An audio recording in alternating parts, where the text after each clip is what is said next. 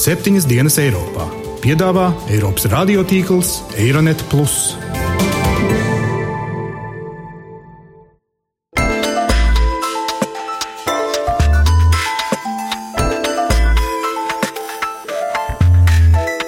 Šonadēļ septiņas dienas Eiropā dzirdēsim. Reliģija brīvība nav reliģija vienlīdzība. Die dritte Stufe der Sanktionen in Gang zu setzen.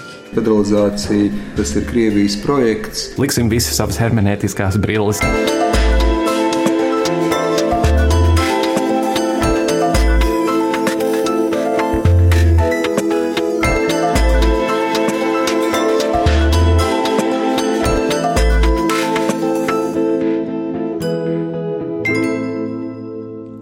Labdien, godātie klausītāji! Latvijas radio studijā Kārlis Streips raidījumu septiņas dienas Eiropā. Ļoti priecīgas jums otrās lieldienas, un kā jau lieldienu gaisotnē, šodien mēs centrā runāsim par reliģiskām lietām. Septiņas dienas apritējušas kopš pēdējo reizi sadzirdējāmies, un šodien raidījumā tāpat kā toreiz atskatīsimies uz notikumiem, par ko iepriekšējā nedēļā rakstīja pasaulē, un centīsimies ieskicēt tās tēmas, kas tuvākajā laikā nonāks Eiropas ziņu virsrakstos. Vairs tikai 33 dienas atlikušas līdz Eiropas parlamenta vēlēšanām, un Eiropā to sāk jau just. Šogad pirmo reizi pa amerikāņu vīzei Eiropas komisijas prezidenta amata kandidāti dodas tūrē pa Eiropu, nodarbojoties ar publiskām diskusijām un balsu vervēšanu. Šonedēļ viņi sāka ar Nīderlandi. Daži politikas vērotāji uzskata, ka šādi gājieni ir tikai kosmētiski sistēmas uzprišināšanas centieni, Eiropa no tā nekļūs ne pa mata tiesu demokrātiskāka. Tomēr šādus apgalvojumus cenšas atspēkot Eiropas Tautas partijas prezidenta amata kandidāts Žans Klods Junkers, sakot, citēju, šobrīd ir svarīgi, ka mēs visi veltam vislielākās pūles, lai atgūtu Eiropas iedzīvotāju uzticību, jo šī uzticība zūd. Tikai aklais neredz, ka uzticība politiskajai sistēmai strauji iet zudumā.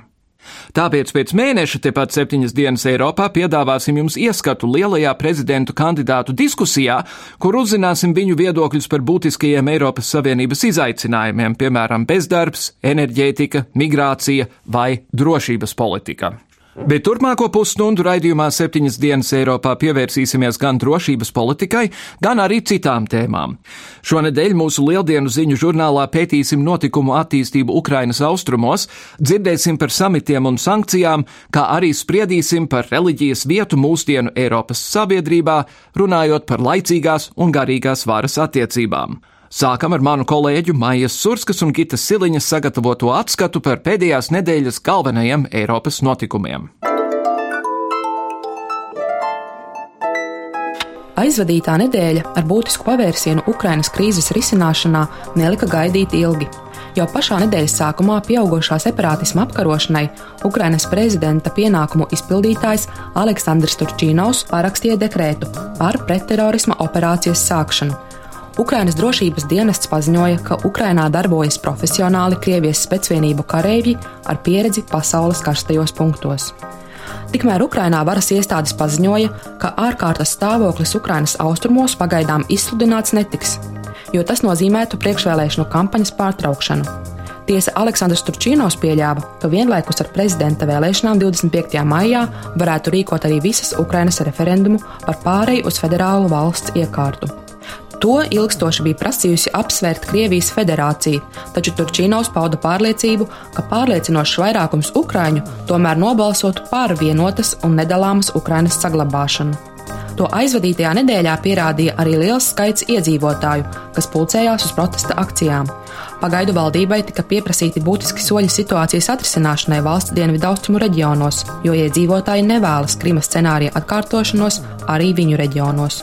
Kā atzina apvienoto nāciju organizācijas augstā komisāra cilvēktiesību jautājumos pārstāvis Gianni Magazēnī, izmeklēšanas komisija nav atradusi nekādus pierādījumus par krievalodīgo apspiešanu Ukrainā, ko Maskava izmantoja kā galveno argumentu Krimas aneksijai.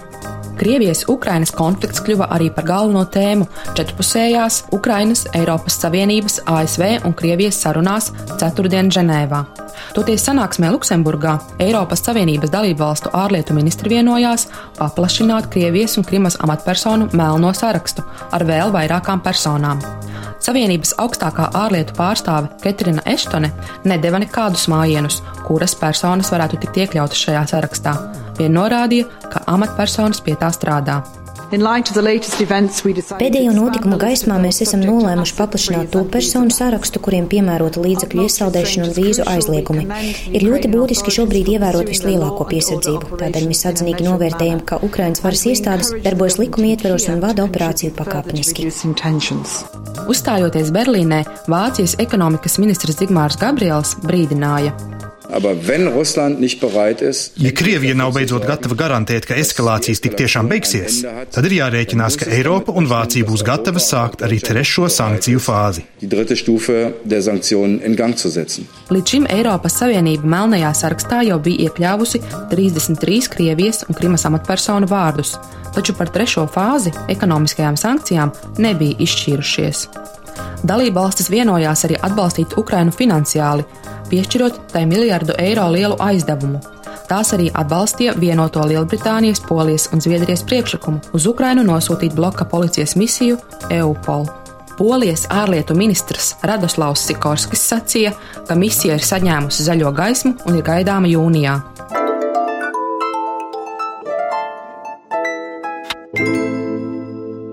Gribot, negribot, arī baznīcu ir ietekmējuši notikumi Ukrainā un otrādi. Kamēr pāvests Romā aicinājis izbeigt vardarbību un ticīgajiem lūgties par mieru, austrumu pareizticīgās baznīcas Krievijas patriārs Kirils ir mazliet daļrunīgāks.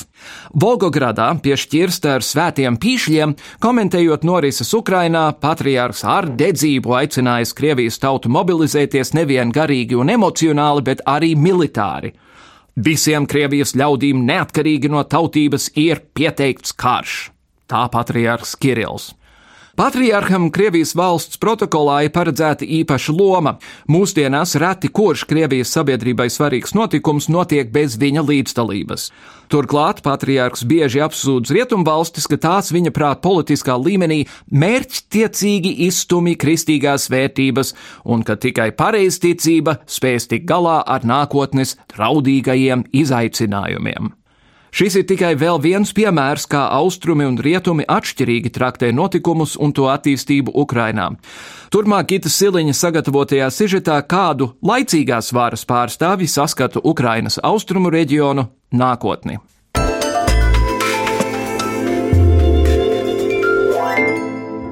Katra institucionālā uzbūve atspoguļo ne tikai kādus konkrētus rāmjus, bet arī konkrētā brīža politiskās vajadzības, politiskās nepieciešamības, politisko situāciju. Daudzas federālās sistēmas ir izveidojušās iekšējo faktoru ietekmē, pēc notikumiem, pēc revolucionārām attīstībām, pēc valsts pārmaiņām, kur tiek meklēti kompromisi starp dažādiem subjektiem tieši valsts ietvaros. Nenoliedzami liela loma ir arī ārējiem apstākļiem un procesiem.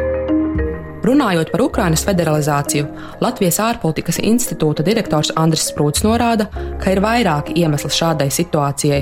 Turklāt milzīga loma ir bijusi Krievijai. Diemžēl notikumi rāda, ka Ukraina Krievijai varētu būt izdevīga, nestabila, ar vājumu elementiem, ar tādu raksturu, ar ko būtu vieglāk manipulēt. Var teikt, ka Krievija grib redzēt Bosniju un Hercegovinu. Krievija grib redzēt tādu federalizāciju, kurā ne jau ir reģioni, kas miedarbojas ar centru un kuriem ir kaut kāds zināms, pilnīgi skaidrs funkcijas deleģēts vienlaicīgi. Tā ir daļa no viendabīgas valsts. Bet, ja Bosniju un Hercegovinu mēs paņemam, tad tā ir valsts, kas līdz galam nefunkcionē. Tā ir valsts, kurā būtībā ir sadalīts vairākās daļās, un ja mēs runājam par teiksim, šo Serbu republiku, tad viņa ir tuvāk Serbijai, viņa ir tuvāk Belgradai nekā viņa tuvāk Sarajevai. Un šeit es domāju, ka ļoti līdzīgi, ka Krievija vēlās redzēt nu, tajā minimālajā variantā pietiekoši nestabilu veidojumu, kas līdz galam nespēja funkcionēt, kas nespēja pieņemt lēmumus, kurā iespējams kaut kādiem reģioniem šajā federālajā sistēmā ir tiesības arī bloķēt lēmumus, nu, teiksim, lēmums par iešanu uz Eiropas Savienību, iešanu uz NATO, par kaut kādu virzību. Un praktiski šī valsts, nu, teiksim, tā karājās gaisā un nevirzās uz priekšu vai uz vienu vai uz otru pusi. Jo tad arī var manipulēt, tad var izspēlēt savas kārtas intereses, tad var arī konkrēti slēgt vienošanās ar konkrētiem reģioniem. Tagad skaidrs, ka Krievijas interese ir patiesībā bosnizēt, nu dažkārt runā arī balkanizēt, bet es teiktu vispirms bosnizēt Ukrainu. Vienlaikus joprojām tiek norādīts, ka citu lielās ģeopolitiskās spēles spēlētāju rīcības ir piesardzīgas un pārlieku atturīgas. Bet procesi tikmēr virzās neparedzamos ātrumos. Atbalsta paušana ir svarīga, bet tiek gaidīta arī konkrētāka rīcība. Ko saka Eiropas parlamenta priekšēdētājs Martins Šulcs? Wir stellen uns der andauernden Strategie, das Land zu teilen, in den Weg. Mēs esam pilnīgi pret šo stratēģiju, kas paredz sadalīt valsti. Un mūsu rezolūcijā mēs aicinām Krievijas federāciju ievērot starptautiskos principus un aizvest savu karaspēku no Ukrainas robežas un atturēties no jebkādas rīcības, kas varētu destabilizēt Ukrainu. Mēs apzināmies savu atbildību un apsveicam visus pasākumus, lai atbalstītu Ukrainas valdību. Tas ir svarīgi, lai arī mēs turpmāk atbalstītu Ukrainu, nodrošinot stabilizāciju tās ekonomikai, apkarojot korupciju un pārvarot sociālo plaisu valstī die Korruption zu bekämpfen und die soziale Kluft im Lande zu schließen. Bet vai Krievijas gadījumā jebkādiem līgumiem un rezolūcijām ir nozīme, vai pakratot nosodošu pirkstu kā aizrādījumu milzim varētu būt līdzēts? Andris Sprūts vērtē, ka nopietna daļa vainas tomēr ir jāuzņemas arī citiem iesaistītajiem spēlētājiem. Skaidrs, ka rietumi vai šeit ASV vai Eiropas Savienība, tā pirmā reakcija noteikti ir tāda, ka viņi nevēlas federalizāciju Nu, šķiet, ja mēs tomēr pieejam ar skaidru galvu, tad ir pilnīgi skaidrs, vispirms tas ir Krievijas projekts. Un otrs, tas visticamāk neveicinās Ukraiņas kā funkcionēt spējīgas, rīcības spējīgas valsts tālāk attīstību. Es domāju, šeit Eiropas Savienība un arī amerikāņi ir piesardzīgi par šādu turpinājumu. No otras puses, protams, tās lidenā pozīcija ir tāda, ka vispirms paši eiropieši ir veicinājuši federalizāciju. Daudziem tomēr jautājums ar Krieviju ekonomiskā sadarbība nav jau mazsvarīga. Un, nu, Tā viens šķita arī, ka eiro būtu gatava piedot Krievijai Krimu, vismaz kaut kādā mērā iesaldēt tālāko eskalāciju un tālākās sankcijas. Tiek norādīts, ka Eiropa daļēji atkāpjas no saviem principiem, jo attiecības ar Krieviju ir svarīgas. Un, ja būs situācija, kurā nebūs kontrole Ukrainas, rietumnieku un Eiropas rokās, tad Eiropa var slēgties uz to, ka viņa var būt gatava ar saviem kaimiņiem vienoties par kaut ko. Tikmēr Krievijas balss ārlietu ministrs Sergejs Lavrovs norāda, ka Ukrainas federalizācija ir vienīgais ceļš, lai tiktu ārā no krīzes. По нашему убеждению, все проблемы Pēc mūsu domām, visas problēmas nevar atrisināt bez vispārējās vienošanās par to, ka federālās sistēmas Ukrainā ir nepieciešamas. Tas ir nepieciešams, lai pārliecinātos, ka katrā reģionā būtu iespēja izvēlēties savu vadību, likumdevēju un gubernators, lai katram reģionam būtu tiesības apmierināt savas vajadzības un tās pilsoņiem būtu tiesības attiecībā uz ekonomikas, finanšu, kultūras, valodas un sociāliem jautājumiem, un arī tiesības sazināties ar kaimiņu valstu reģioniem - Polijas, Lietuvas un arī ar Krievijas federāciju federalizāciju. Federalizācija ir ceļš, lai katrs reģions justos komfortabli. Krievija savas pozīcijas neslēpj, un pasaulē atliek to pieņemt. Par lielvalsts izrīkošanos ar Ukrainu turpina Andris Sprūts. Jebkāda līguma var tikt arī pārkāpta tādā veidā, ka Krievija uzskata par sevi izdevīgu, svarīgu un arī, lai parādītu teiksim, savu statusu un ietekmi tīpaši valstī, kas viņai šķiet nu, ļoti svarīgi. Varbūt pat dažkārt tiek salīdzināt, kā priekš Krievijas šī ir uztvere, ka tā ir kā Skotija priekš Britiem vai kā Teksas priekš Amerikas. Lai gan, protams, Teksas ir ASV sastāvā un Skotija šobrīd vēl joprojām Lielbritānijas sastāvā un Ukraina īsti nav Krievijas sastāvā, bet tā izpratne tā vien šķiet, ka ir ļoti līdzīga. Tā ir tā mīkstā pavēdera, kas Krievijai svarīga, un līdz ar to šī manipulācija acīm redzam šeit būs un turpināsies. Daudzpusējās politiskās sarunās tiek apspriesti risinājumi, prātots par nostājām un rīcībām, vērtēti riski un kompromisu iespējas. Amerikas Savienoto Valstu valsts sekretāra vietniece Viktorija Nulanda šoreiz bez necenzētiem vārdiem paudusi nostāju, ka Krievijas rīcība un ieceres grozīt Ukrainas satversmi ir nepieņemamas.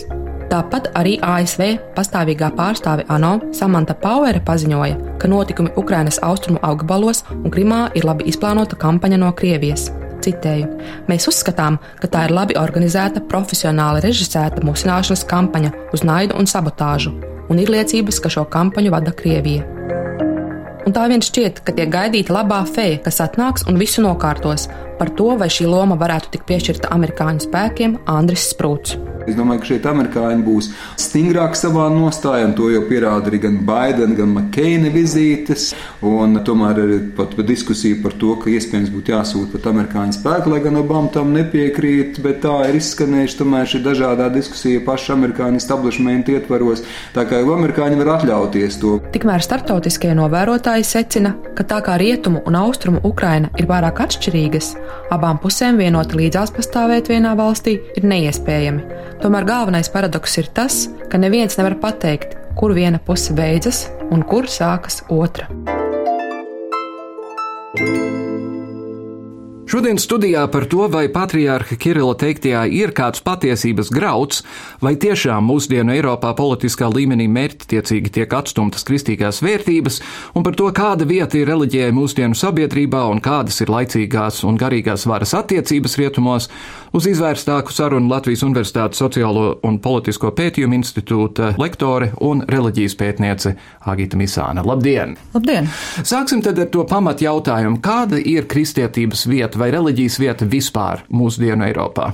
Līdz salīdzinoši nesenam laikam patiešām šķita, ka reliģija kļūst aizvien privātāka lieta, un tā, teiksim, tiek izstumta no tās publiskās telpas. Jā, tā bija katra privāta darīšana. Protams, reliģija brīvība ir liela vērtība, un kāds varēja praktizēt, bet reliģijām nebija tik daudz tādas teikšanas, varbūt publiski. Taču nu jau kādus 10 vai 15 gadus mēs dzīvojam tādā reliģiju atkal uznācienu laikā. Nu, tam ir visāds izpausmes, un var redzēt, ka tā balsts un baznīca atdalīšana nav tik stabila, kā tas varbūt šķita pirms, teiksim, 20 gadiem. Un reliģijas aizvien biežāk pauž viedokļus par sociāliem jautājumiem un, un vēlās tikt sadzirdēts gan atsevišķi individi, gan reliģiskas kopienas to dara. Tā kā es domāju, ka tā gluži nav, jā, kā Kirillis saka. Protams, izņēmums domāja, ka reliģija nenodarbojas ar lietām pēdējos gadu desmitos, ir vienmēr bijusi Romas katoļu baznīca, kas vienmēr ir bijusi gatava iesaistīties it īpaši jautājumos par cilvēku seksualitāti un seksuālām attiecībām. Jā, protams, bet tas nav vienīgais, par ko reliģijas varētu turēt rūpi, un, un vēsturiski ir turējuši rūpi, ja mēs domājam par visiem tiem mūsdienu sabiedrības varbūt tā nelāgajām parādībām, kuras mēs redzam, pauģu atsvešinātība un korupcija un cilvēku vientulība un mantas kults un tā tālāk, tad eh, tas ir tas, par ko reliģiskas kopienas var izteikties un tās arī izsakās. Un, un Latvijā kā reiz, manuprāt, tās ir salīdzinoši pasīvas šajā ziņā. Tā ļoti salīdzinoši maz runā par tādām tēmām, ja salīdzina ar viņu rietumu partneriem vai līdzīgām. Šajā kontekstā, kā jūs vērtējat jauno pāvestu, nu nosacīt jauno pāvestu? Viņš jau kādu labu laiku darbojas, bet viņš ir ļoti atšķirīgs no priekšgājēji vismaz izpausmes veidā, ja ne saturā. Jā, noteikti, jā. Nu, viņš ir pozicionējies kā tāds tautas pāvests, viņš ir vienkāršs, kas ir netipiski Romas katoļu baznīcai, varbūt viņš maz tērē, viņš lido ekonomiskajā klasē, un tas tiešām ir neparasts salīdzinot ar viņu priekštečiem. Ar visu to, ka viņš ir līdzvērtīgs intelektuāls, tas nav tā, ka, nu, viņš būtu tāds lauķis. ja mēs runājam par oficiālām attiecībām starp valstīm un reliģiju, šķiet, ka lielākoties tajās Eiropas valstīs, kurās ir monarhija, Monarhs ir arī baznīcas galva. Lielbritānijas karaliene ir anglikāņu baznīcas galva, Skandināvijā tā tas ir. Savukārt valstīs, kurās nav monarha, šķiet ir diezgan lielāka tā atšķirība starp valsti un baznīcu, vismaz oficiālā līmenī. Nu, nav viena tāda pareizā valsts un baznīcas attiecība modeļa Eiropā. Tas ir jāsaprot, tie modeļi ir ļoti dažādi. Un patiešām ir valstis, kur nav šis šķirtības princips tik ļoti izteikts. Kā tas ir noformēts, kurā vietā konstitucionāli tas atšķiras. Dažos gadījumos tiešām kā Lielbritānijā tā ir valsts baznīca anglikāņu, un, piemēram, premjerministrs arī nevar piederēt kādai citai reliģiskai kopienai. Mēs zinām, Tonijs Blērs ļoti ilgi cieta, būdams sirdī katols, un tad, kad viņš vairs nebija premjeras, jā, tad viņš konvertējās. Dānijā, piemēram, ir tas jēdziens ir tautas baznīca. Tas arī ir viens nešķirtības veids, ja, bet ne tādā formā kā Lielbritānijā. Zviedrija nesen nošķīra Lutāņu baznīcu no valsts. Tur patiešām tā ir. Un citās valstīs ir konstitucionāli šķirtas. Un te pašā laikā ir laikam godīgi jāpasaka, ka reliģija brīvība nav tas pats, kas reliģija vienlīdzība. Individuālā līmenī, protams, Eiropā reliģija brīvība tiek gluži labi garantēta, bet te pašā laikā praksē mēs redzam, ka dažām reliģijām vienai vai vairākām, kā kurā valstī, ir tās privileģētas stāvoklis, un tas ir citādāk, jā, kā kopienām. Latvijā mēs laikam redzam abas lietas tādā nozīmē, ka pilnīgi individuālā līmenī mēs redzam mazus blondus latvietīšus lēkājam krišnītu ritmos pa ielu, un no otras puses vēsturiski iemeslu dēļ tieši Lutāņu baznīca ir privileģēta attiecībā uz īpašumiem un tādām lietām. Es nedomāju, ka tikai Lutāņu baznīca ir privileģēta. Arī katoļu baznīca. Arī pareizticīgā baznīca, jo Latvijā ir interesanti tas, ka ir salīdzinoši gan statistiski, gan ietekmes ziņā tāds līdzsvars, varētu teikt, starp trim lielākajām baznīcām. Un tas tā ir vēsturiski izveidojies. Mēs skatāmies gan pēc locekļu skaita, gan pēc citām iezīmēm. Tāda šīs trīs lielās luterāņu, Romas katoļu un pareizticīgā baznīca ir apmēram līdzīgā situācijā. Cita lieta, ka tās ir dažādos vēstures laikos bijušas aktīvākas, un tas ir atkarīgs no tā, kas ir bīskaps, gan no viņa interesēm vienā otrā gadījumā, bet tās trīs ir kopā. Un tas ir interesanti, ka Latvija tiek cildināta un pamatot par tām labām ekumeniskām sadarbības attiecībām, kas ir starp šiem te lielākajām baznīcām, ja ne starp visām, tas starp lielākajām noteikti. Un droši vien tur ir gan viņu labā griba, bet tur arī vien tāda praktiska nepieciešamība. Katra no šīm te reliģiskajām kopienām ir mazāka kā sabiedrības neticīgā daļa, un pat divas kopā ir mazākas kā vai līdzīgas skaitā kā sabiedrības tā necicīgā daļa, kas ir kā 40% Latvijā. Un tikai trīs kopā viņas veido kaut kādu pārsvaru. Un es domāju, viņām vienkārši nav citas izējas, kā sadarboties, lai varētu kaut ko panākt, vai kaut kā kopīgi teikt, vai kaut kā uzstāties. Jā, tas ir interesanti dzirdot, jūs sakām, ka Latvija šajā ziņā tiek cildināta, ja mēs ņemam vērā to, ka Jāņa Vanaga laikā Latvijas Lutāņu baznīca ir ļoti lielā mērā sevi izolējusi, atteicās no Porvo līguma, kas ir sadarbības līgums starp Lutāņiem un Anglikāņiem visur Eiropā, izņemot pie mums, jo tur taču ir paredzēts, ka sievietes ordinēs, un to nu mēs nevaram nekādīgi pieņemt. Jā, nu, jāsaka, aizbraucot uz ārzemēm, tā droši vien ir pirmā lieta, ko īpaši reliģiskās aprindās cilvēks zina. Ja viņi nezina ko citu par Latvijas reliģisko dzīvi, tad viņi zina, jā, par šo tas sieviešu neordinēšanu. Bet, nu, tā ir tās baznīcas izvēle. Un, protams, neviens nevar pamācīt luterāņus, kā tiem būtu rīkoties, lai arī varbūt individuāli personīgi domāju, ka sievietes var būt mācītājs, bet ir jāsaprot, ka valsts nevar jaukties baznīcu iekšējā dzīvē. Un ja kāda baznīca paziņot, ka tā ordinē, teiksim, tikai cilvēks ar zaļām acīm, tad mēs varētu teikt, tas ir dīvaini, bet mēs nevaram neko izdarīt, ja mēs neesam šajā te baznīcā. Tad ir jāievēl citādāk sinodu un, un tā tālāk. Mm -hmm. Kurā vietā Latvija atrodas baznīcas apmeklētāju skaitā? Vai es pieņemu, ka, piemēram, Lietuvā, kas ir katoliska valsts, šīs procents, kas iet baznīcā regulāri vai puslīdz regulāri, ir augstāks nekā pie mums? Jā, Lietuvā ir ievērojami augstāks, un Igaunijā savukārt ir ievērojami zemāks, ja mēs runājam tikai par Baltijas valstīm. Latvija reliģiskā ziņā nav ļoti īpaša vieta, jāsaka tā. Kopumā ņemot, ja mēs skatāmies uz dažādu veidu statistikām un uzticamiem socioloģiskiem pētījumiem, tad Latvija ir vidēji nu, tā diezgan tipiska Eiropas tā sauktās vietnieciskās reliģijas piemērs, kur ir diezgan liels cilvēku skaits, kuri atzīst kaut kādu piesaisti reliģiskai organizācijai. Viņi, piemēram, aptaujās saka, nu, uz jautājumu, pie kuras ticības jūs piedarat, viņi kaut ko atbild. Es esmu luterānis. Jā, es, es esmu luterānis vai katols, un tas var nozīmēt ļoti daudz ko. Tas nenozīmē, ka viņi ir aktīvi praktizētāji. Un tad šajā te diezgan lielajā, kāda 60% apmēram tādu cilvēku ir Latvijā, kopumā ir tāds neliels kā kodols vai kā centrs, kuri tad ir nopietni reliģiozi. Un tas skaits būtu kā 10-15% apmēram, nu, kur iet daudz maz regulāri uz baznīcu, kur apzinās, ka viņi tur pieder, viņi arī ziedo naudu, un tas ietekmē arī varbūt viņu morālo stāju un to, kā viņi vērtē pasauli. Un tas īstenībā ir diezgan tipiski. Tas procentuālās attiecības Eiropā svārstās, bet principā tā ideja ir tāda Eiropā. Jā.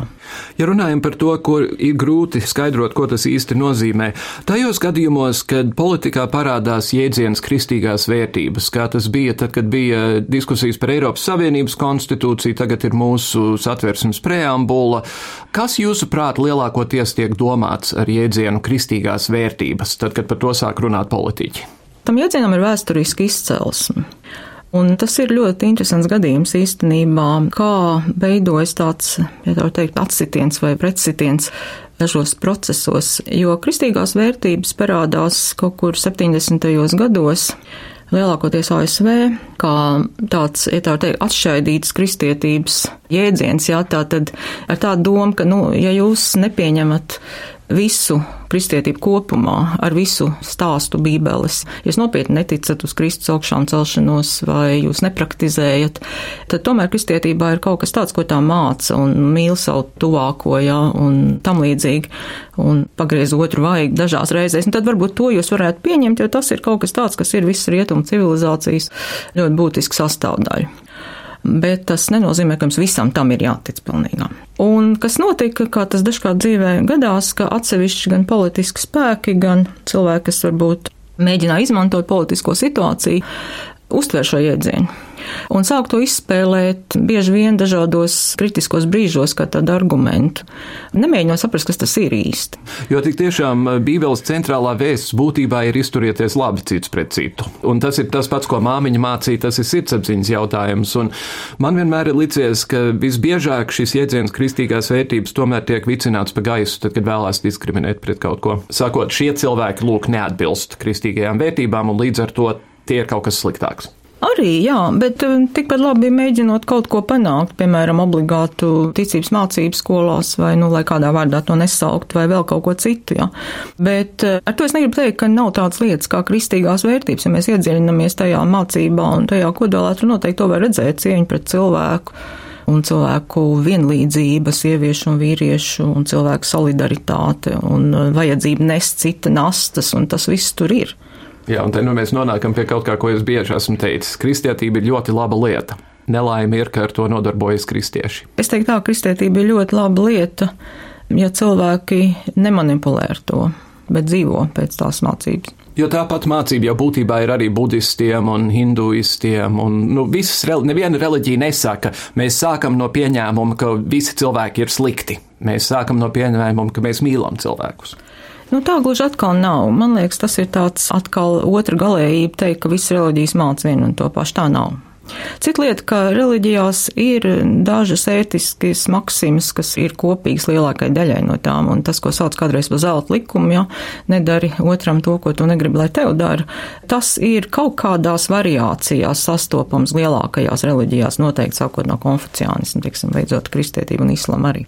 Kā pēdējais jautājums par šo tēmu. Tagad, kad jūs esat karjeru veltījusi pētot reliģijas no akadēmiskā viedokļa, no zinātniskā viedokļa, Vai jums galu galā pašai sanāk kaut kāda ticība reliģiska? Es atvainojos par ļoti personīgu jautājumu.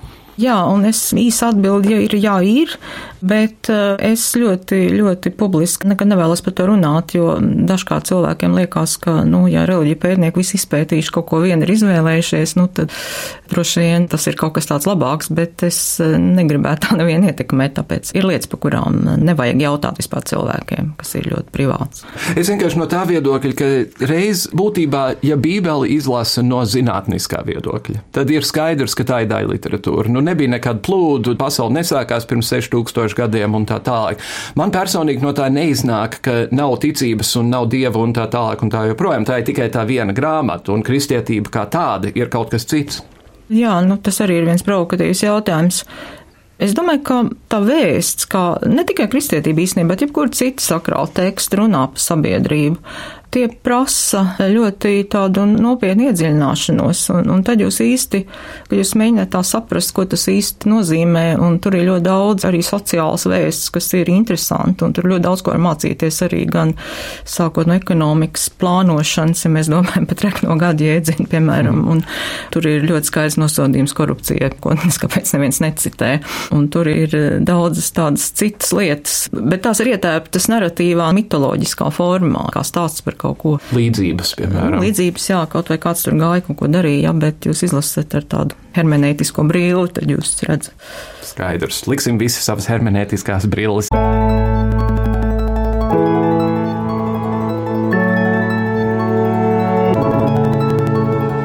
Pēdējais jautājums tradicionāli, ko jūs gaidāt nākamajā nedēļā? Vai, piemēram, reliģiskajā pasaulē pat labāk kaut kas brūvējas? Jāgaida, kā Ukrainas reliģiskās kopienas nostāsies šajā te konfliktā, kurā pusē tur ir tāda neparasta situācija. Ukrainā ir vairākas pareisticīgās baznīcas ar dažādām jurisdikcijām, bet nu, tā lielākā ir tā, kas ir saistīta ar Krievijas patriarchātu un metropolīts, kas vada šo te baznīcu, ir veselības stāvokļa dēļ. Vismaz kādu laiku atpakaļ bija komā, viņš nebija spējīgs īsti vadīt. Un tad ir jautājums, kas būs viņa pēctecis, un tur tie divi kandidāti esot viens ļoti prokrievisks un viens ļoti par Ukrainas neatkarību neatkarību. Tā kā tāda saudabīga situācija tur ir. Latvijas Universitātes Sociālo un Politisko pētījumu institūta pētniece Agita Misāna. Paldies jums par sarunu! Lūdzu.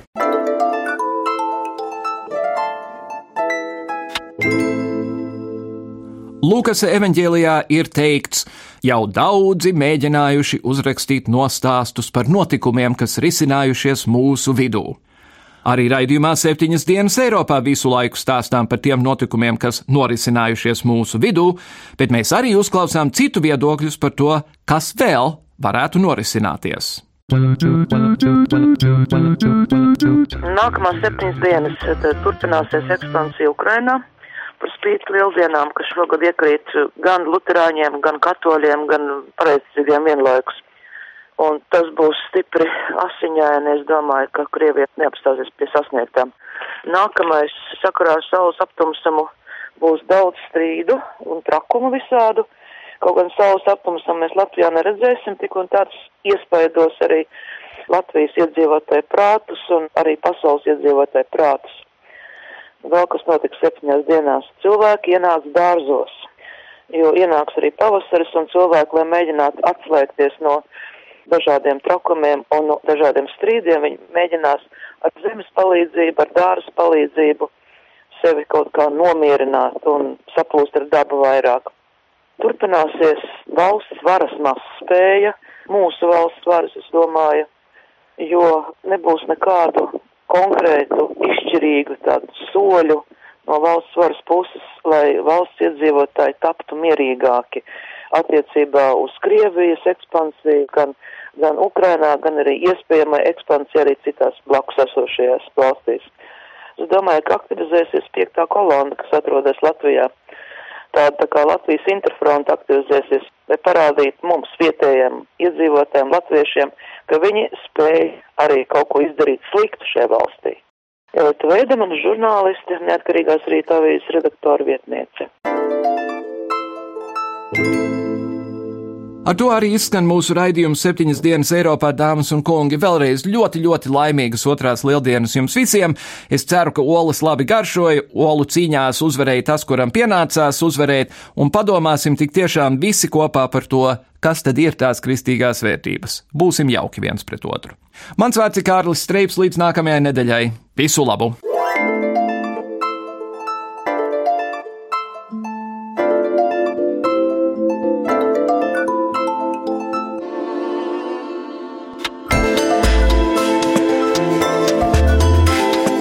Raidījumu veido Kārlis Streips, Gita Siliņa un Jānis Krops. Producents Lukas Rozītis.